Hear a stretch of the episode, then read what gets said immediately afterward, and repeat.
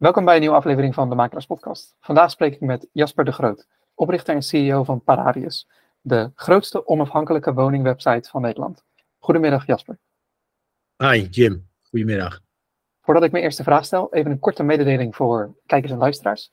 Uh, want de meeste kijkers of luisteraars die jou volgen op LinkedIn, uh, die zullen waarschijnlijk zien dat jij het vaak hebt over de huurmarkt, over de woningmarkt, over beleid. Uh, daar zullen we het vandaag niet over hebben. Dus mochten mensen dat willen horen, verwijs ik ze naar een link in de omschrijving. Want jij hebt onlangs een uh, interview gedaan met Vastgoed Actueel. Ja. Waar ze dan meer over kunnen lezen. En ze kunnen uiteraard op jouw LinkedIn kijken. Kunnen ze alles volgen. Vandaag gaan we het juist hebben over ondernemerschap, over ervaringen, over lessen. De soort gesprekken die mensen van mij gewend zijn. Um, en daarmee wil ik meteen mijn eerste vraag richten tot Jasper. Hoe ben je in de makelaarij of in de vastgoed terechtgekomen? Nou ja, dat is wel een grappig verhaal, ja. Kon je van tevoren ook niet zo bedenken dat dat zo zou, uh, zo zou gaan rollen. Maar ik heb een opleiding gevolgd in Haarlem. Uh, dat heet Small Business aan de Haarlem Business School. En uh, daar had ik verschillende bijbaantjes. En uh, tijdens het einde van mijn studie daar was ik Microsoft Office trainer. En daar gaf ik les aan MT's van bejaardenhuizen of in Den Helder aan de staf bij de marine.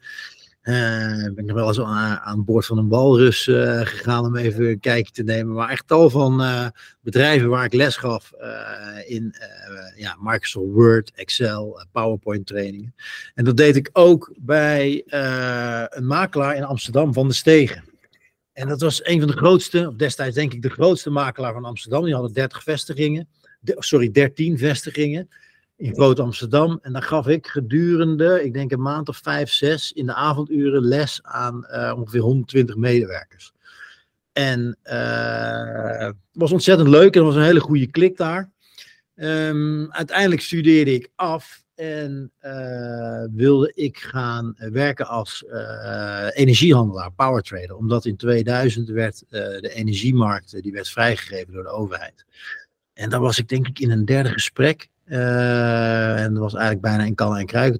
Totdat ik door Van de Stegen werd benaderd. Omdat zij uh, die klik ook wel al voelde. En zij met een nieuwe vestiging begonnen in uh, Amstelveen. Waar zij de expertmarkt gingen bedienen.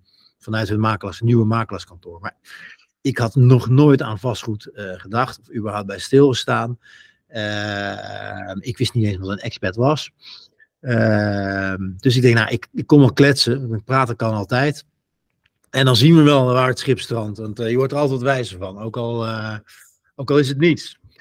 Dus uh, zo gezegd, zo gedaan. En nou, uiteindelijk werd me een beetje verteld en steeds meer duidelijk wat die baan nou inhield. En wat ook heel veel vrijheden betrof. En een auto. En nou, dat zijn allemaal best wel mooie perks als je, als je net uit, uit, uit school klapt, zeg maar. Uh, dus ik besloot om dat dan toch maar te gaan doen. En als het dan na een jaar niks was, die arbeidsmarkt die was zo goed, uh, dan, uh, ja, dan kon ik vast wel weer uitwijken naar iets anders. Dus ja, eigenlijk ben ik, ben ik toen zo van start gegaan. En daar heb ik denk ik 2,5 jaar met heel veel plezier gewerkt. totdat ik de kneepjes van het vak al kende. Want, en dat is ook bekend een beetje van de steden. Dat is echt een kweekvijver voor heel veel makelaars in Amsterdam. Uh, die daar echt uh, de kneepjes van het vak uh, leerden. Destijds van, van Rob van der Stegen. waar ik nog steeds goed contact mee heb. En zo ben ik voor mezelf begonnen. met twee, twee collega's destijds. en zijn we JLG Real Estate gestart. En dat, dat makelaarskantoor dat bestaat nog steeds. Ja. Waarom besloot je voor jezelf te beginnen? En waarom op dat moment?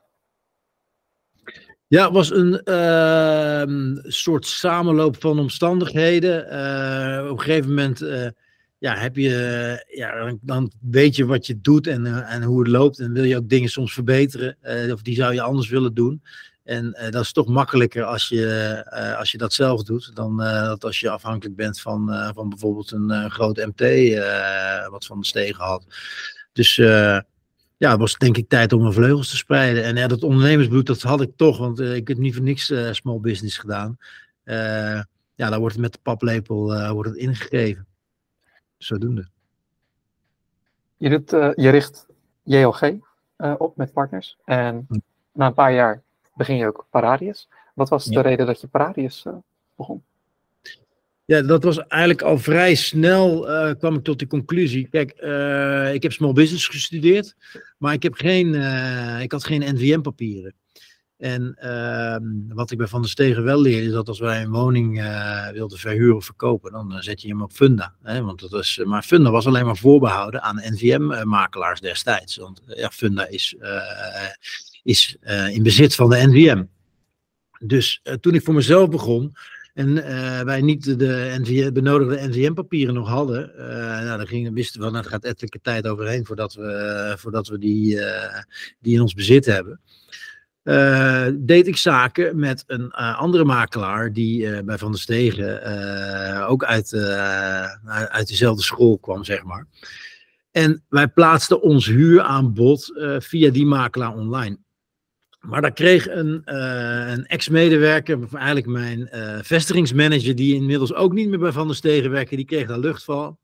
En uh, die vond het niet zo leuk dat wij zo'n goede samen, enige samenwerking hadden met, met die NVM-makelaar. Dat het ons voor de wind ging, omdat wij die woning op Funda konden plaatsen. Dus die ging brieven schrijven naar, naar het bestuur. En ehm, nou ja, vervolgens kregen wij te horen ja, dat we toch echt moesten stoppen hiermee. Want ja, incidenteel zou het wel kunnen, maar op structurele basis mag zoiets niet van de NVM. En ja, anders zou die makelaar ook zijn licentie kwijtraken. Dus uh, ja, er kwam een einde aan dat verhaal. En toen ben ik bij mezelf gaan nadenken, ja hallo, als, de, als ik dit niet kan en ik ervaar dit als een probleem, dan hebben al die andere VU-makelaars in Amsterdam eigenlijk ook dit probleem. Alleen weten ze dat helemaal niet. Want uh, zij hebben nog nooit uh, überhaupt eh, een woning op Funda kunnen plaatsen. Omdat ze, nou sowieso die verhuurmakelaars, die zijn hoofdzakelijk onafhankelijk. Die zijn meestal niet aangesloten bij een brancheorganisatie. Dus toen dacht ik, nou dan ga ik zelf een platform oprichten, want dat is er nog niet. en omdat Funda niet open was voor niet-NVM-makelaars, nou heb ik zo ja, eigenlijk een, een pad kunnen slaan. En uh, zijn we eigenlijk best wel heel snel uitgegroeid door makelaars aan te sluiten. Uh, tot de grootste verhuurplatform van Nederland. Eigenlijk waren we heel snel, zeker in alle grote steden, waren we met ons aanbod veel groter dan, uh, dan het huuraanbod dat je kon vinden op Funda. Omdat die verhuurspecialisten niet bij de NVM zijn aangesloten. Deed je dit binnen in JLG samen met je partners of deed je dit daarnaast erbuiten? Nee, dit heb ik, hebben we samen met, uh, met de partners gedaan. Dus dat zijn uh, JLG's Jansen van Lingen de Groot. dus met Dimitri Jansen en Joost van Lingen. Joost is nog steeds voor een klein stukje aandeelhouder bij ons. Dimitri Jansen inmiddels niet meer. Ik ben ook geen aandeelhouder meer in, in de makelaardij. Al een hele tijd niet meer. Ik denk sinds 2014 al niet meer of zo. Uh, dus ja, we zijn dat met z'n drieën gestart. Alleen ik heb altijd de leiding over dat project gehad. Uh, ja, uh, omdat ik gewoon uh, toch ook misschien vanuit mijn achtergrond met uh, als Microsoft Office trainer zeg ik maar een beetje een affiniteit met, met online en internet dit, dit groter wilde maken. En ik daar echt ja, vertrouwen in had. Dus dat zijn we destijds vanuit de kelder op het Safati Park, Centuurbaan, zijn we gestart. eerst in mijn eentje. En uh, ja, toen we wat meer, uh, wat meer tractie kregen en ook uh, ja, veel meer handling mee gemoeid was, ja, langzaam uitgebreid met een salesmedewerker en destijds nog een externe developer die we, die we uitbetaalden in, in een nieuwe tafel of nieuwe kozijnen en noem het maar op. En dat was echt in het begin was het echt growth hacken. Als er dan een lead binnenkwam, dan uh, belde ik de makelaar. Van, joh, heb je die lead gezien die in het systeem zit? Want er is iemand van Shell die een woning wil huren.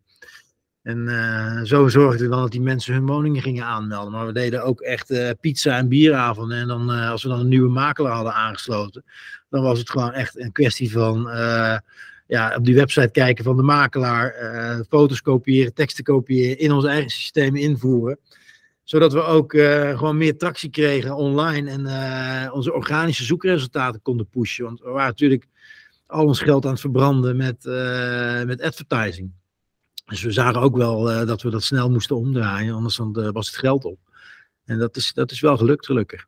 Ja, maar echt vanuit een kelder gestart. Had, had je iemand ingehuurd om de website en zeg maar de, de backend, de database te maken? Ja, we hadden een, uh, een, externe partij. Ik weet, ik weet echt de naam niet eens meer van die, die partij. Maar we hebben toen al vrij snel besloten dat we echt het touwtje zelf in handen uh, wilden. Dus uh, we hebben uiteindelijk die developer waar ik het over sprak, uh, Wailing Leung was dat. Een hele leuke Nederlands-Chinese dame. En die heeft heel lang bij ons gewerkt. En daar heb ik heel veel aan te danken. En ja, die heeft zeg maar echt de eerste code opgeleverd. Maar ja, we hebben dat intussen herbouwd. In het begin dan ja, voor elke klant die een wens heeft, uh, dan, uh, dan bouw je dat en dan breid je systeem uit. Maar uiteindelijk ja, eindig je met, met spaghetti. Dus we hebben dat uiteindelijk weer tot een gelaagde lasagne weten te, om te bouwen. Maar dat heeft wel wat voet in de aarde gehad. Maar dat lag niet zozeer aan haar, dat lag meer aan, ja, aan een overijverige entrepreneur die iedereen ja, het gewenste antwoord wil geven. Ja. Ik wil, ik wil het uiteraard meer hebben over de groei van Paradius en dat we het langzaam maar zeker naar het heden brengen en alle andere uh, ondernemingen die er nu onder Treehouse vallen. Maar -hmm. een klein, klein zijstapje, want dit was, ja. we hebben het nu natuurlijk over de midden jaren 2000, toch?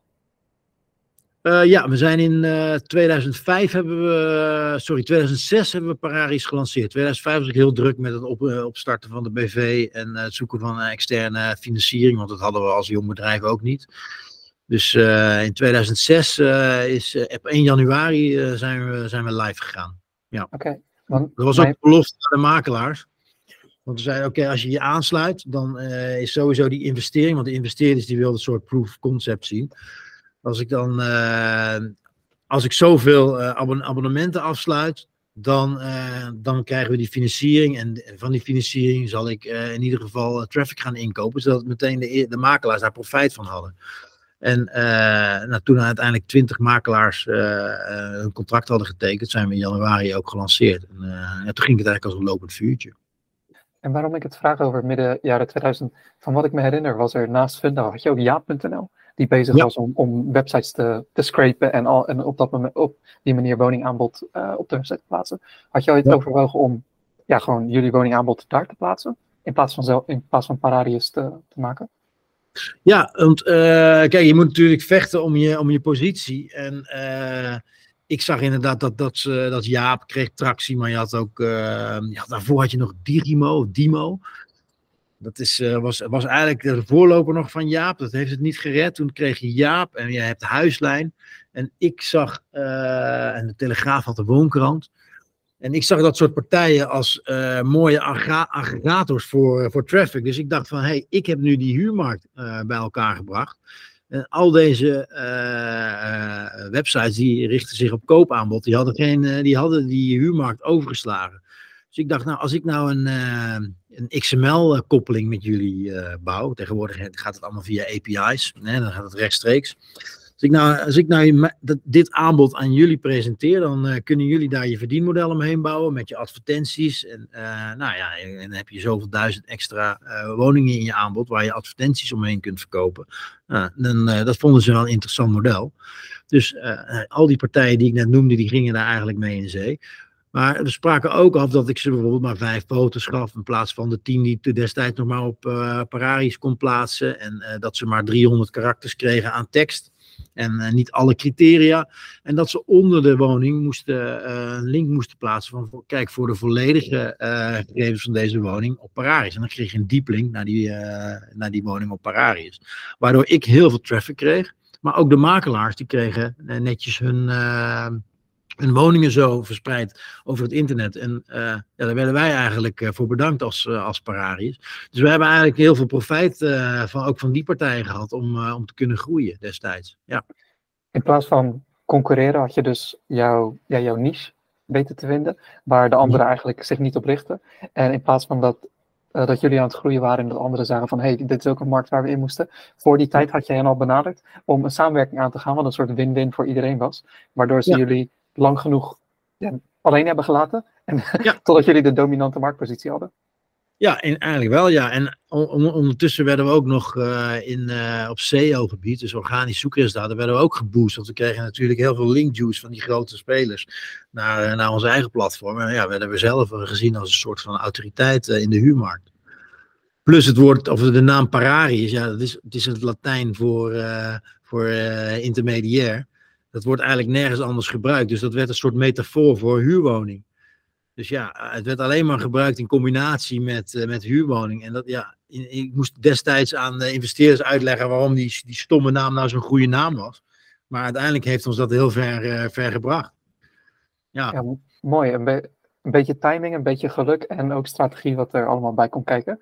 En je, had, je had het, noemde al wat dingen over de groei van Paradius, hoe je dat bewerkstelligde. Uh, zou je wat meer kunnen zeggen? Je had het over advertenties. Waren dat dan Google advertenties?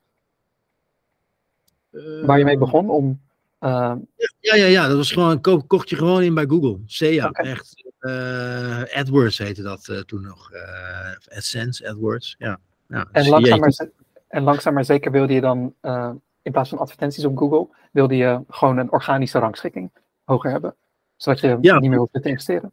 Precies, als je uh, een paar ton hebt uh, als investering. Uh, nou, destijds kon je traffic nog echt redelijk goedkoop inkopen. Kost, kost je misschien 1, 2 cent per klik. Want tegenwoordig zit je al aan, aan, aan ettelijke euro's. Dus nou, nu kun je niet zo makkelijk meer inbreken in die markt. Maar dat was toen nog vrij, vrij eenvoudig om, om, om, veel, om grote bakken met traffic in te kopen via Google. Gewoon door te zeggen van als iemand zoekt op huurwoning, teacher extra deel en je had daar een woning. Dan werden wij werden we gevonden. En dat deden we in zes talen. Dat doen we nog steeds in zes talen. Dus als iemand zoekt op uh, Immobiliara uh, uh, Rotterdam, dan, dan, dan zie je nog steeds dat, dat we daar met paradius.com, want we hebben ook een .com, maar daar, daar, daar gaat al onze expertverkeer overheen, dat die bovenaan in de zoekresultaten staat. Ja, dus ook eigenlijk voor de expertmarkt zijn we een heel belangrijk platform geworden. En hoe benaderde je de, de makelaars? Had je een lijst met, met verhuurmakelaars dan? En die belde je gewoon? Ja, nou, het was gewoon een kwestie van echt een zoektocht. Want die markt die was zo versplinterd. Dat was ook echt een van onze. Ik heb, in ons businessplan stond ook. Die markt is zo ontzettend versplinterd. Dat ja. Kijk, je moet je voorstellen. Ik reed zelf ook als makelaar rond in Amsterdam. Bijvoorbeeld met een Japaner van Mitsubishi. En die, uh, die kwam dan uh, naar, naar vijf panden van mij kijken. en de volgende dag reed diezelfde Japaner met een, een andere makelaar. Uh, door de stad. En bezocht hij weer een van mijn panden. Want die, die makelaar had weer een afspraak met mij gemaakt. Dus, en sommige makelaars hadden geen website, noem het maar op. Dus het was zo, zo intransparant als maar zijn kon. Dus dat was voor mij ook zoeken naar een speld in een hooiberg, ook buiten uh, Amsterdam. Maar ik ging echt langs, in, in mijn smartje reed ik van Groningen tot Maastricht om, om aan te sluiten. En ik vroeg ook altijd van, ja, in, in, het gesprek in eerste instantie van, oké, wie zijn je concurrenten? En uh, nou, dat werd dan verteld. En nou ja, je kan je vergif op innemen dat ik of diezelfde dag als ik in Groningen was nog langs reed. Of dat ik ging bellen om, uh, om een afspraak uh, ook daar te krijgen. En zo sloot ik ze allemaal aan. Ja. En inmiddels zijn we ruim 15 jaar verder met Paradius. Wat waren wat van de belangrijkere punten in de geschiedenis van Paradius? Om ons ja. een beetje naar het heden te brengen. Oké, okay, nou in om aan te sluiten op uh, het verhaal van die backlinks. Uh, die ik net noemde bij Jaap en, en dergelijke, die ons voor traffic, uh, voor onze traffic zorgden, kwam er op een gegeven moment een speler op de markt. Ehm, nou, je moet het zo zien, de makelaars weten dat NVM heeft een, heeft een CRM-pakket Realworks, VBO heeft een CRM-pakket dat heet Colibri. Um, vroeger maakten ze bij ehm, uh, vastgoed pro gebruik van Scarabee. Dat is een Belgische partij en zo zijn er nog een aantal partijtjes. En, maar die richten zich allemaal op verkoopmakelaars. En toen kwam er een CRM-pakket op de markt, dat heette Nomis. En dat was van een bedrijf dat heette Anno MMX. Omdat het opgericht was in 2010, Anno MMX. die kwamen op de markt met een CRM voor verhuurmakelaars.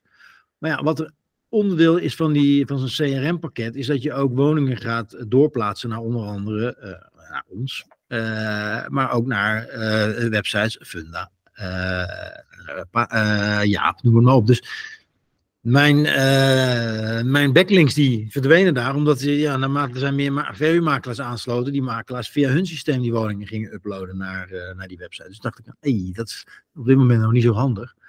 Maar wij koppelden natuurlijk ook met, uh, met Anne Mixer. Ja, luister, dit vinden we eigenlijk niet zo fijn. Dus eerst hebben we daar afspraken over gemaakt. Dat het dan via ons systeem liep. Uiteindelijk uh, ja, zijn we dat hun software in licentie gaan verkopen. En uiteindelijk hebben we gewoon in, eh, in, goede harmonie besloten om, om het over te nemen. En nou, we dragen dat nu uit Nog steeds met heel veel plezier. En we hebben er nu, denk ik, 420, hoorde ik laatst, uh, verhuurmakelaars aangesloten. Dus ja, wij, we zitten daar eigenlijk in een soort van, ja, in een markt waar best wel wat spelers actief zijn. Maar waar wij eigenlijk als enige partij die, verhuurma die verhuurmakelaars bedienen. Ehm, en dat is ook moeilijker voor die andere grote CRM's, omdat hun achterban natuurlijk bestaat uit verkoopmakelaars. En ja, dat zou alleen maar tot focusverlies leiden als zij ook zich helemaal nitty-gritty uh, zouden moeten focussen op die, uh, op die huurmarkt. Dus dat was 2014, als we dan even over de geschiedenis hebben, dat we Anno MMX uh, inlijfden. In 2017 zijn we gefuseerd met uh, de grootste concurrent destijds, huurwoningen.nl.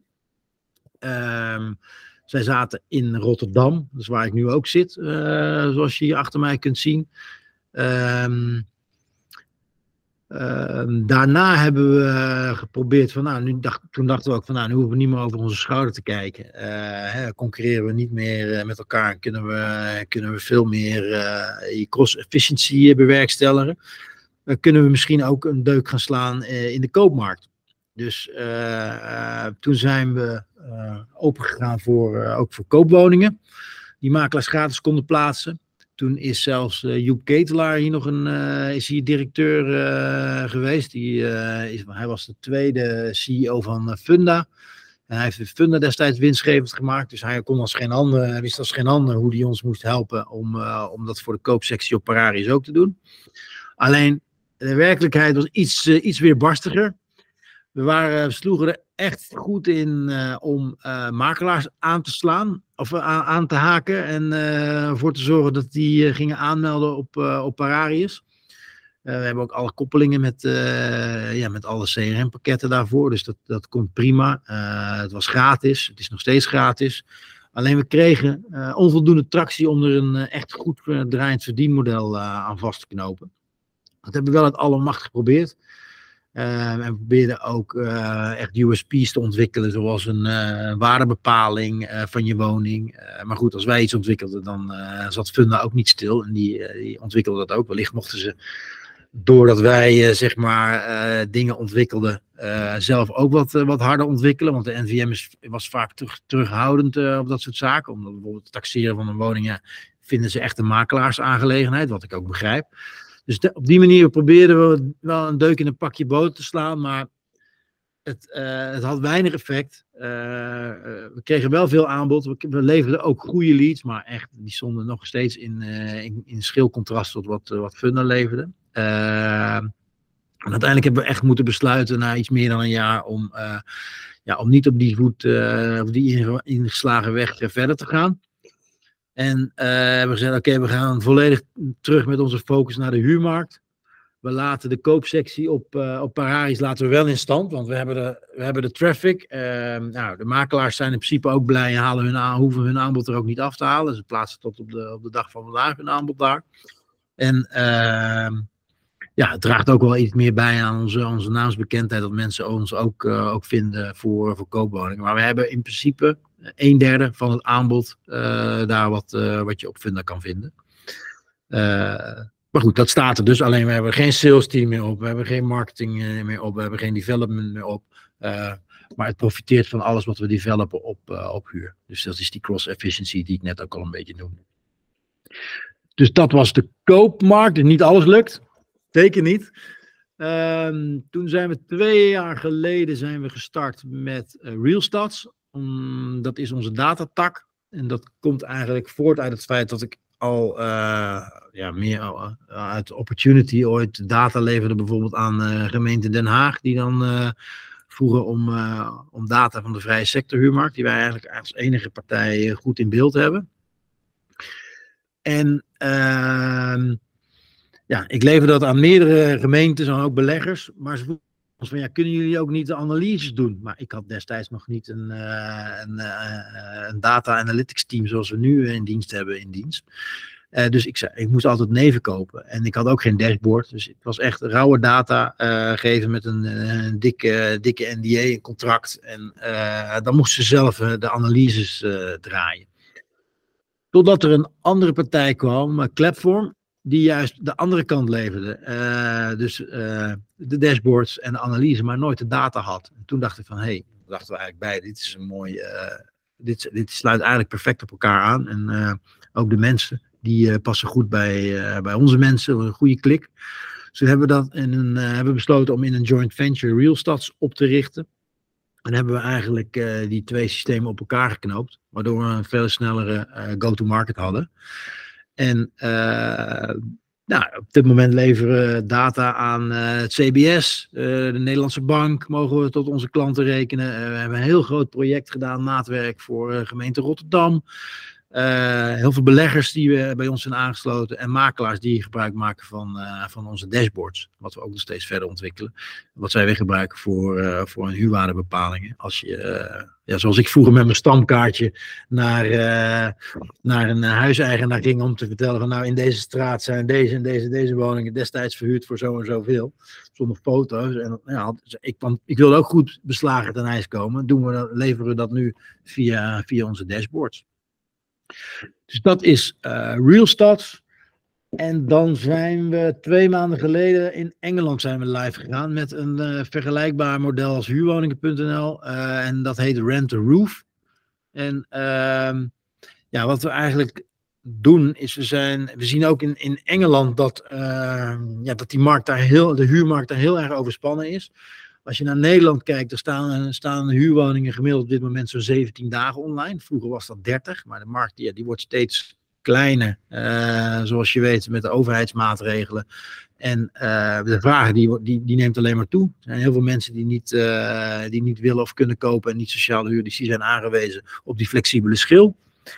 Dus uh, dat, uh, dus je ziet dat, dat, dat het aantal dagen dat een woning online staat van 30 naar 17 is gegaan. Maar in Engeland is, het, zijn, is er eenzelfde situatie, heeft zich voorgedaan een aantal jaar geleden. En daar is het zelfs afgenomen tot vijf dagen.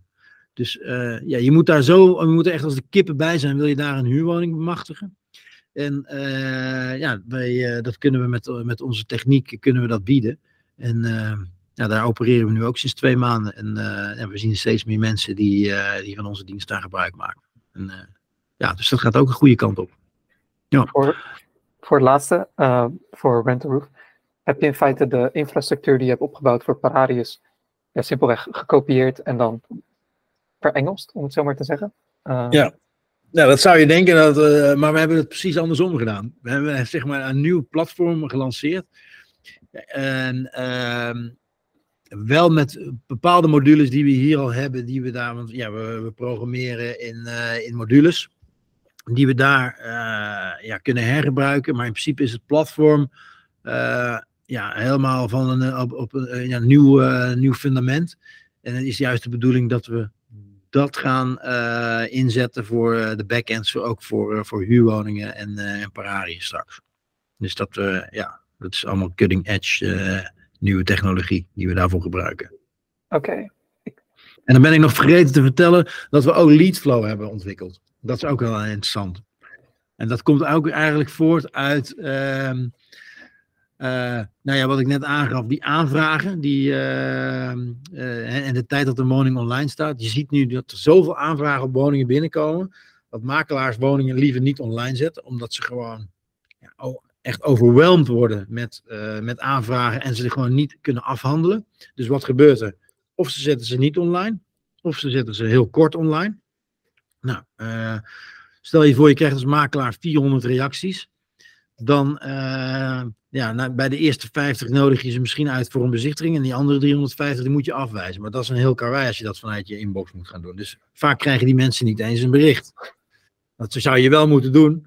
Want uh, ja, het zijn allemaal toekomstige klanten. Maar goed, dat is best wel lastig als je, als je ziet hoe makelaarskantoren daar, uh, daar met, met hun bemanning en met mensen mee om moeten gaan. Als je ook veel woningen in je portefeuille hebt. Dus dat is eigenlijk geen doen. Dus die huurders die gaan klagen, want die krijgen geen reactie. Uh, straalt ook af op ons platform. het aanbod komt niet op, op ons platform of het staat er maar heel kort. dus nou, dat, dat is geen goede zaak. Die, uh, en aan de andere kant heb je ook nog de verhuurders. die uh, in principe zouden moeten kunnen kiezen uit die 400 huurders, maar ze hebben maar een keuze uit die 50. En misschien zat, die, zat de beste huurder voor hem wel in die, die andere 350. Dus het is een totale imperfecte markt. Dus uh, dat wilden we oplossen. En uh, het feit wil dat alle, alle platforms, maar ook de makelaarswebsite zelf, alle leads, of nou, leads noem ik dan even, dat zijn gewoon reacties of aanvragen of bezichtigingsaanvragen, die komen allemaal binnen per e-mail. En wij hebben een systeem gebouwd dat al die e-mails annoteert. En uh, waardoor een makelaar vervolgens in, zijn, in dat systeem kan zien van oké, ik heb nu in Amsterdam de Marnixstraat 23 aangemeld. En daar heb ik 25 leads van Funda. Ik heb er 40 van Pararius. Ik heb er 25 van huurwoningen. Ik heb er 8 via mijn eigen website. Nou, noem maar op. Dat is allemaal gekoppeld. En vervolgens kan hij zien uh, in het systeem uh, welke mensen uh, een huisdier hebben, wat voor inkomenscategorieën ze zitten, hoe lang ze willen huren, per wanneer, zodat hij een selectie kan maken van de meest interessante huurders.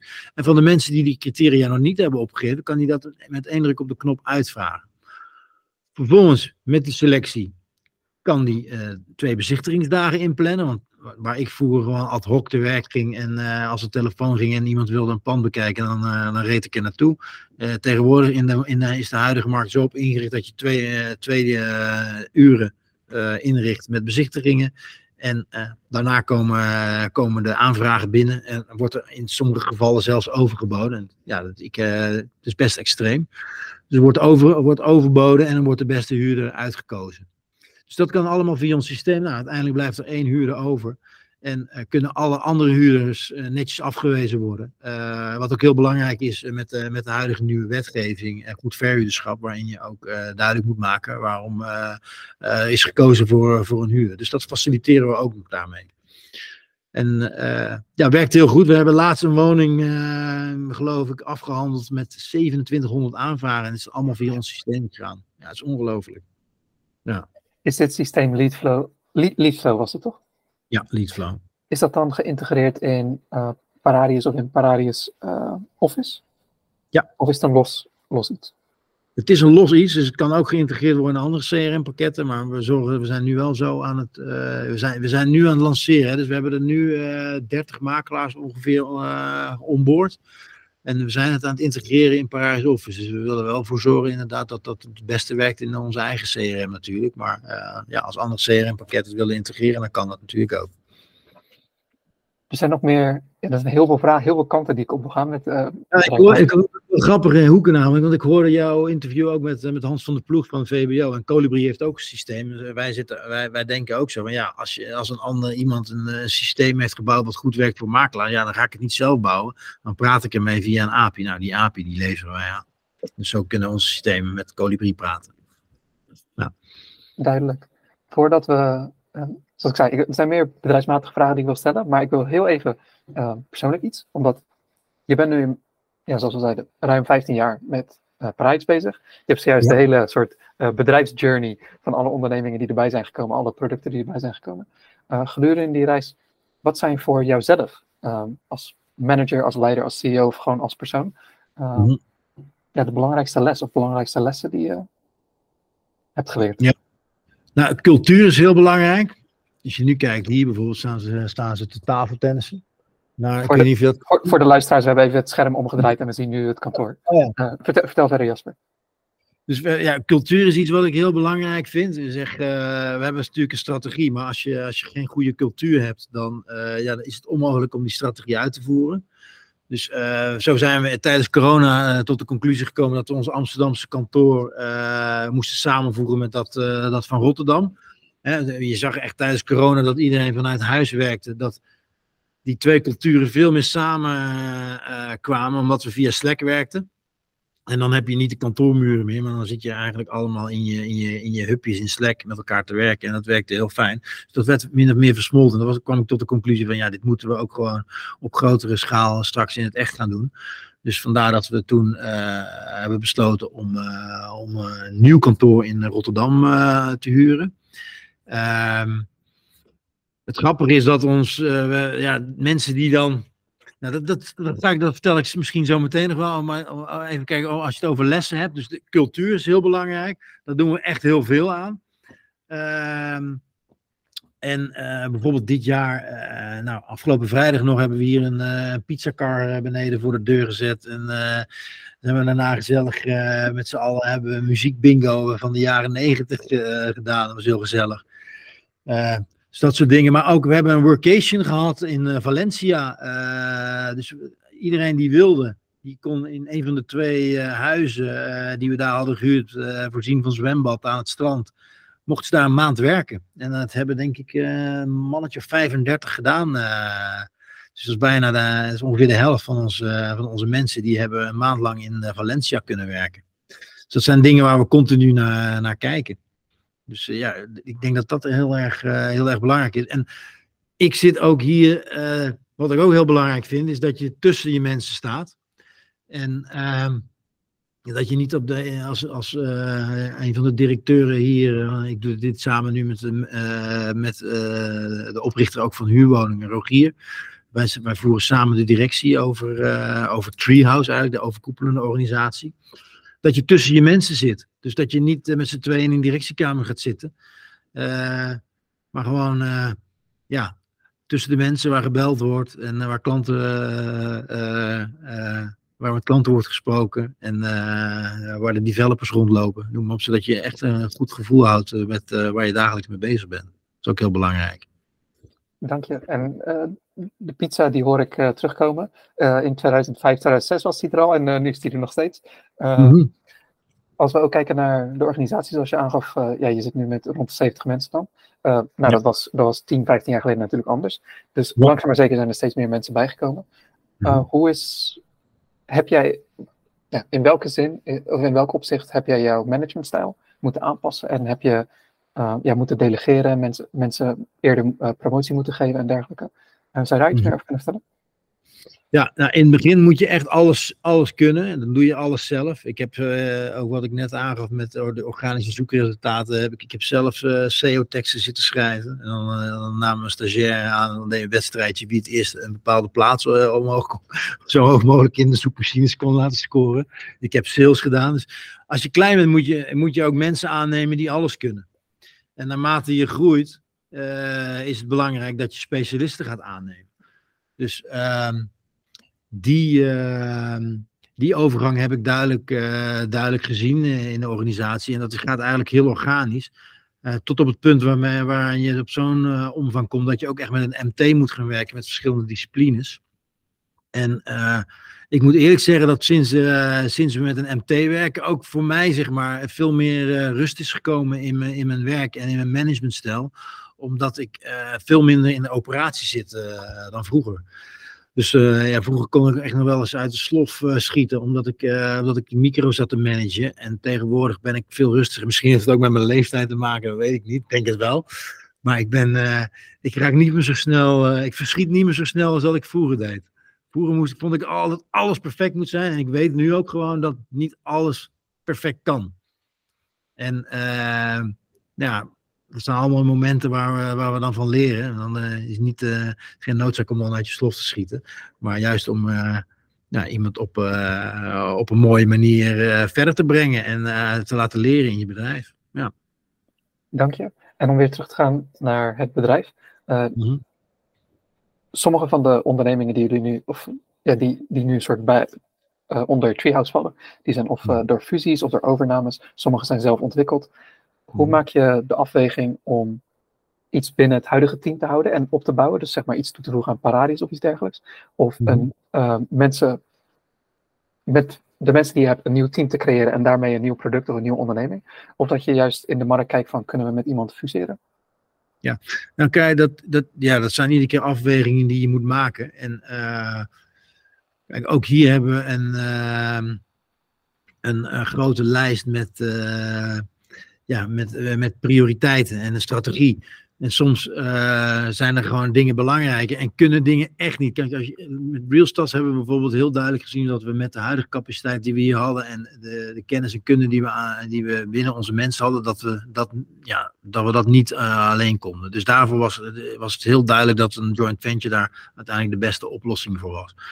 Maar met Leadflow hebben we bewust voor gekozen om dat echt als een soort start-up uh, aan, te, aan, aan te vliegen. We zagen, we zagen dit probleem in de markt en we, hadden we wisten ook wat de oplossing was. Alleen het bestond niet in, de manier waarop wij dat uh, voor ogen hadden. En daar hebben we gewoon, zijn we gewoon gestart met het aannemen van een product owner.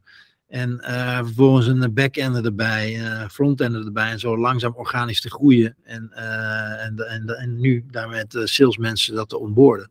Dus ja, je, je kijkt per keer hoe je dat kan doen. Ja, en, en met uh, de fusie is het gewoon ook met je concurrenten moet je ook gewoon contact houden. En uh, ja, je kan, uh, je kan elkaar het leven zuur maken bijvoorbeeld. Of je, kan, maar je kan altijd on speaking terms blijven met elkaar. En uiteindelijk ja, ergens beide beter van worden. Dus ja, dit is niet een, een geëikt, geëikt pad daarvoor altijd. Moet je, dat, is, dat is per situatie verschillend. Geen one size fits all. Als we, als we als voorbeeld uh, Rent the Roof nemen, wat deed je mhm. uiteindelijk besluiten om ja, die markt, een, een ander land dus, uh, die markt in te gaan, in plaats van uh, een ander land bijvoorbeeld, of nog meer te focussen op Nederland en ja, hier thuis te blijven? Ja, nou, Nederland is in principe klein.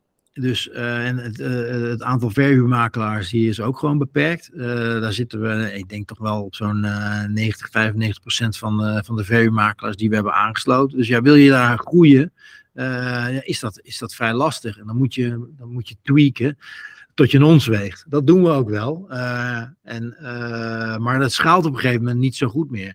En als je dan ziet dat er meerdere markten zijn, uh, zoals Nederland, die overspannen zijn, waarvan je weet dat ja, huurders blij kunnen worden van, van de schaalvoordelen die je voor hen biedt door, door al het aanbod bij elkaar te brengen. Ja, was het eigenlijk voor ons obvious dat we ook dit in het buitenland moesten gaan proberen. Ja. Zijn er in Engeland geen concurrenten momenteel? Ja, Engeland heeft ook uh, platforms, maar die concurrenten daar. Uh, ja, je moet je, je moet je voorstellen voor een right move heb je, dat is de grootste. Uh, je hebt Zoopla, nummer twee, en dan heb je On The Market. Dat zijn makelaars die, uh, die samen een, een, platform hebben opgericht, eigenlijk tegen Right Move en Zoopla. Eh, dus die beconcurreren elkaar een beetje. Maar een makelaar betaalt daar gemiddeld bijna 18.000 uh, pond per jaar. Uh, dus dat is nog een tikje hoger dan dat in, in Nederland is. In Nederland zijn die tarieven eigenlijk vrij laag. Dus je kan je voorstellen dat met een consumentenmodel zoals we hebben met Rent a Roof, wat vervolgens gratis is voor die makelaars, daar best wel een, een deuk in een pakje boter kunnen slaan. Dus dat zijn we nu, zijn we nu aan het leren duidelijk. Ja, sorry, ik, ik, ben, ik ben zo uh, geïnteresseerd en zo, echt zoveel kanten die ik op wil gaan. Um, Maar ik let natuurlijk op de tijd, want jij hebt uh, binnenkort nog, een, nog iets anders. Um, hm. Dus we beginnen het langzaam, maar zeker af te ronden. voor de toekomst. je hebt uiteraard, waar denk je met het bedrijf aan? Voor, ja, kan de komende paar maanden zijn, maar je kan het ook wat breder trekken naar de komende paar jaar. En ook voor jezelf. Wat voor ambitie heb je voor de ja, komende jaren? Oké. Nou, um, voor het bedrijf kijk ik, als we kijken, wij mijn visie is eigenlijk schalen, wat ik net ook al aangeef. Um, we kunnen hier in Nederland uh, veel meer efficiëntie brengen voor de makelaars uh, door, uh, door te schalen voor onszelf. Maar een makelaar moet in principe ook schalen, want ja, hij heeft maar een beperkt aantal mensen en handjes, zoals ik net al aangaf. En dat kunnen wij met onze software kunnen, kunnen, we dan, kunnen we dat verlichten. Dus daar zullen we altijd naar blijven kijken. En als ik naar uh, het bedrijf kijk, dan wil ik schalen verder in het, uh, in het buitenland. Dus uh, ja, als, Engeland, als we hebben geleerd van Engeland, dan, dan wil ik ook andere landen gaan aansluiten. en ik vind niks mooier dan iedere keer weer iets op, op te starten. En zeker om dat aan te vliegen als een start-up. Want je, je, hebt dan te maken met bevlogen mensen. En elke, elke kleine tweakje kan weer zo'n groot verschil maken. En, het is onwijs leuk om, daar, om daarvan te leren. Ja, ik word ochtends ook het eerste wat ik doe als ik wakker word, is in de dashboards kijken van oké, hoe hebben we hier Hoe zijn we daar omhoog? We, missen daar wat. Ja, ik, ik, ik, adem dat. Ik vind het heerlijk. Ja, het is leuk. Als we dan, uh, misschien, misschien dat het interessant is voor jou over twintig jaar, maar als we nu een kijkje terugnemen naar hoe je Pararis bent begonnen in die beginperiode, dat was eigenlijk je eerste, ja, laten we zeggen, niet makelaarskantoor onderneming. Um, ja. Waar ben je trots op richting jezelf op die tijd? Mhm. En wat nu met al je ervaring zou je anders hebben gedaan in die tijd?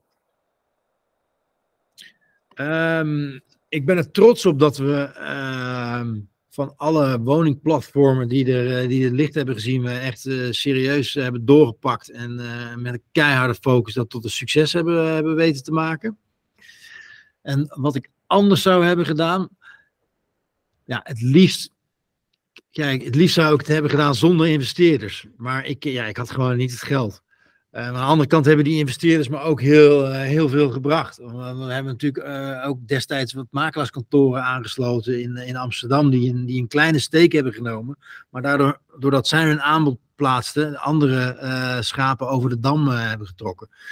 Dus aan de ene kant, ja, zou, zou ik natuurlijk het liefst zonder investeerders hebben gedaan, zodat je zelf een veel grotere steken had gehad in, eh, in het geheel. Aan de andere kant denk ik dat het veel beter is, en dat heb ik destijds ook al aangegeven, om uh, misschien een, kleinere piece of de, de pie te hebben die heel groot is, dan een grote uh, stuk van een kleine taart. Dus uh, ik denk dat dat het wel is. Dank je. Ik vraag me af hoe je, als je over, over 10 of 20 jaar dit terugluistert, of of het antwoord hetzelfde zou zijn. Maar daar hebben we het, hebben we het in de toekomst misschien wel een keer over. Ik hoop het wel, ik hoop het wel. Voor voordat ik mijn laatste twee vragen stel, uh, is er van jouw kant nog iets wat je ja, met luisteraars en kijkers zou willen delen? Of het een advies is, een verhaaltje? Uh, totaal carte blanche. Uh, nou, wat ik altijd heb uh, als motto is dat je dingen moet doen die je eigenlijk niet durft. Want uh, alleen dan kom je, kom je verder. Dus er zijn heel veel dingen waar ik vroeger tegenop zag, maar ik heb dat van huis uit meegekregen. Ja, ga het maar doen, want dan kan je, kan, je die kan je het ervaren en dan kan je er later kan je ervan leren. Dus ehm, er zijn heel veel dingen die ik liever niet doe, maar altijd toch doe. misschien ook nu, de eerste keer in een podcast. Uh, omdat ik dan ja, er toch weer van, van heb geleerd. En die dingen je alleen maar verder kunnen brengen in het leven. Dan tenslotte mijn, mijn, afsluit, mijn twee afsluitende vragen. hadden het hier in ons vorige gesprek een beetje over. Maar ik probeer altijd te zorgen dat de gast het stokje een soort door kan geven. Een aanbeveling kan doen. voor mhm. iemand binnen de makelaardij. Dus kan een, kan een makelaar zijn, een, een dienstleverancier, een tech, techbedrijf. Wie dan ook. Iemand die actief is binnen de, de makelaardij of de vastgoed die jij leuk vindt of waar je wat van leert en waar je denkt dat anderen ook van zouden kunnen genieten van een interview. En mijn mhm. vraag is, heb jij iemand of meerdere personen in gedachten die ik uit zou kunnen nodigen? Ja, ik zit te denken aan de directeur van Rotsvast. Dus uh, een van de grote uh, makelaarskantoren in Nederland. Dat is Frank de Vroet. En die komt oorspronkelijk uit de energiebranche. En die runt nu een heel succesvol bedrijf, franchise-organisatie ja, van, van verhuurmakelaars. En ja, die bestaan, die bestaan al langer dan, dan dat Pararis bestaat. Dus denken we leuk om, om hun journey wellicht eens aan te horen.